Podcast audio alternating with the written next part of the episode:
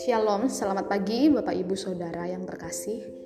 Kita bersyukur bahwasannya Tuhan baik dalam kehidupan kita. Hari ini kita akan kembali merenungkan firman Tuhan dari series kitab Mazmur dan kita sudah tiba pada Mazmur pasal 11 dengan perikop Tuhan tempat perlindungan. Mazmur pasal 11 terdiri dari 7 ayat dan saya akan membaca buat kita sekalian. Firman Tuhan berkata, untuk pemimpin biduan dari Daud. Pada Tuhan aku berlindung. Bagaimana kamu berani berkata kepadaku, terbanglah ke gunung seperti burung. Sebab lihat orang fasik melentur busurnya. Mereka memasang anak panahnya pada tali busur untuk memanah orang yang tulus hati di tempat gelap. Apabila dasar-dasar dihancurkan, apakah yang dapat dibuat oleh orang benar itu? Tuhan ada di dalam baitnya yang kudus.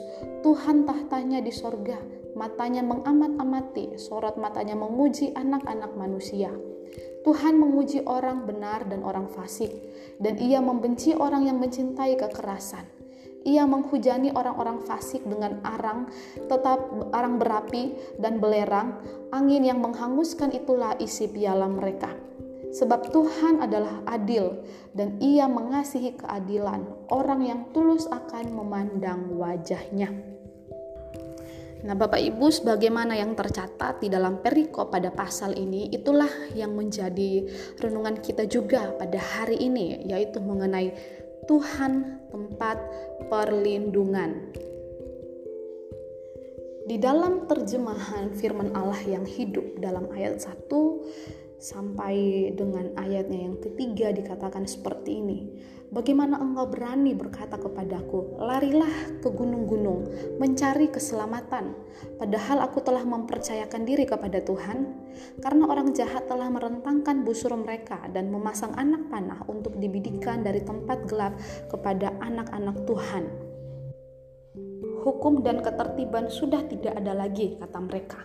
Apa yang dapat dilakukan oleh orang benar kecuali melarikan diri Nah, Bapak Ibu Saudara, dalam ayat ini Daud ingin menyatakan sebuah penegasan bahwa Tuhanlah tempat perlindungan.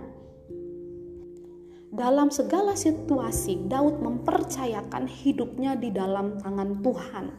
Daud tidak melarikan diri daripada Tuhan sebagai bentuk ketidakpercayaannya kepada Tuhan. Di sini Daud benar-benar mempercayai Tuhan dengan seutuhnya.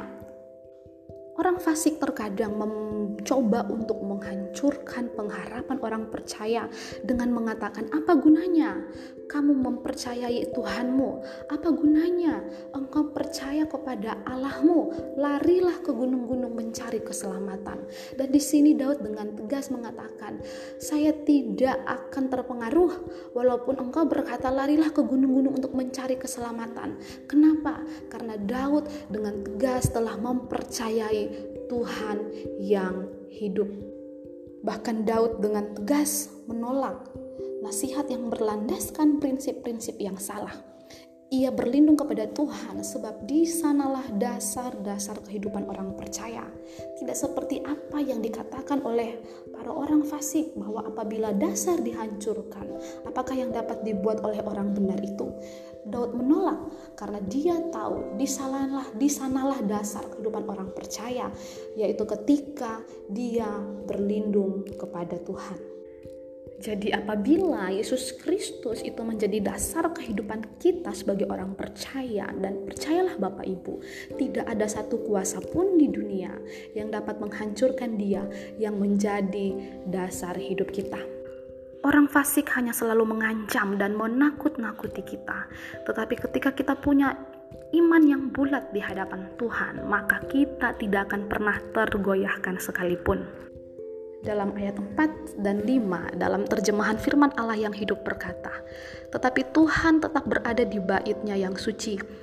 tetap memerintah, ia tetap memerintah dari surga dengan saksama diamat-amatinya segala sesuatu yang terjadi di bumi ini. Ia menguji orang yang benar dan yang jahat. Ia membenci orang-orang yang melakukan kekerasan. Luar biasa Tuhan kita Bapak Ibu bahwa dari tempatnya yang kudus, dia adalah Allah kita yang melihat dan mengamat-amati kita dari sana, dari tahtanya di sorga. Dan Tuhan menguji setiap anak-anak manusia dengan sorot matanya yang tajam. Dia adalah Allah yang bertahta bahkan di dalam setiap hati kita orang-orang yang percaya kepadanya. Jadi Bapak Ibu tidak ada alasan bagi kita untuk kecewa, untuk tawar hati karena Tuhan masih memerintah. Tuhan masih berkuasa bahkan memelihara kehidupan saya dan Bapak Ibu Saudara sekalian.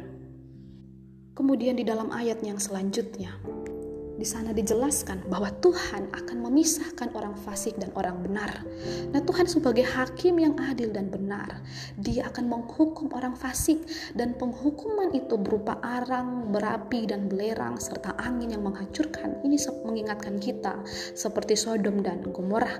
Nah, dari ayat ini menunjukkan kepada kita bahwa Allah mencintai kebenaran dan membela orang yang benar dan juga Allah memandang orang benar dengan kasih karunia-Nya. Jadi Bapak Ibu Saudara, seharusnya kita menjadi orang-orang yang bersyukur dan bersuka cita oleh karena kita memiliki Tuhan Allah yang menjadi kubu pertahanan dan kubu perlindungan kita. Tuhan adalah kubu perlindungan kita itu sendiri dan dia menjadi tempat bagi kita untuk memohon pertolongannya supaya kita terhindar dari malapetaka, dari bahaya, dari bencana ataupun dari ancaman dosa yang senantiasa ingin menghampiri kita.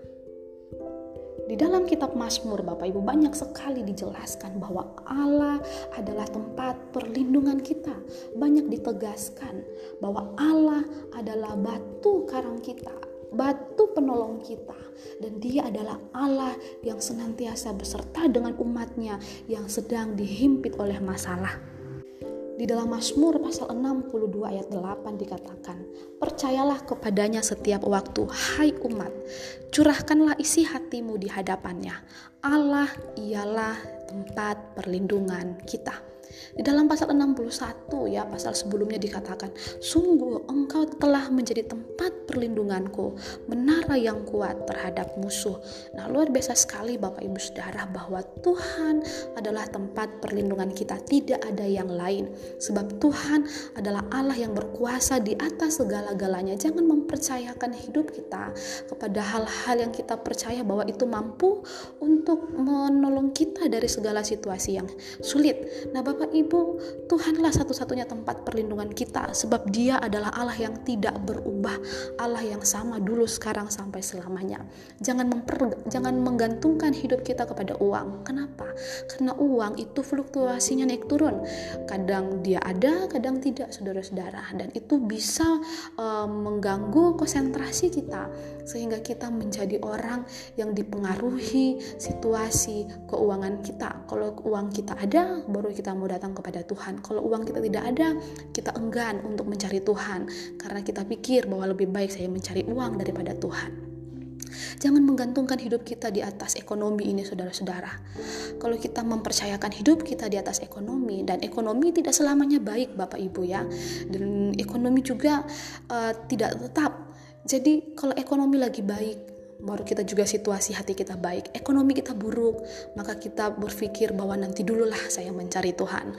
Nah, Bapak Ibu, perlindungan kita yang sejati hanya ada di dalam Tuhan.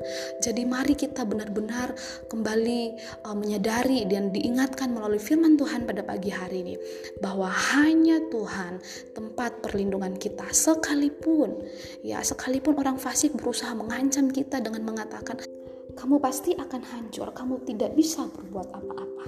Jangan dipengaruhi oleh suara-suara negatif dari luar, saudara-saudara, tapi tetap kita lihat kebenaran firman Tuhan bahwa Tuhan adalah adil dan ia mengasihi keadilan orang yang tulus akan memandang wajahnya. Orang-orang seperti itulah yang akan disertai oleh Tuhan. Mari Bapak Ibu Saudara sekalian kita bangun hidup kita dengan gaya hidup berdoa, gaya hidup mengucap syukur, memuji Tuhan, memuliakan, menyembah Tuhan, melayani Tuhan. Karena orang-orang yang seperti itulah yang dikatakan orang yang tulus hatinya dan dia akan memandang kepada Tuhan. Kiranya firman Tuhan pada pagi hari ini mengingatkan kita kembali dan menguatkan kita bahwa Tuhanlah tempat perlindungan kita, tidak ada yang lain. Hanya kepada Tuhanlah kita berharap sekalipun kita mendengar suara-suara yang berusaha untuk mengacaukan iman kita. Tetapi karena kita punya dasar yang kuat, maka kita tidak akan tergoyahkan seperti Raja Daud. Tuhan Yesus memberkati. Shalom. thank you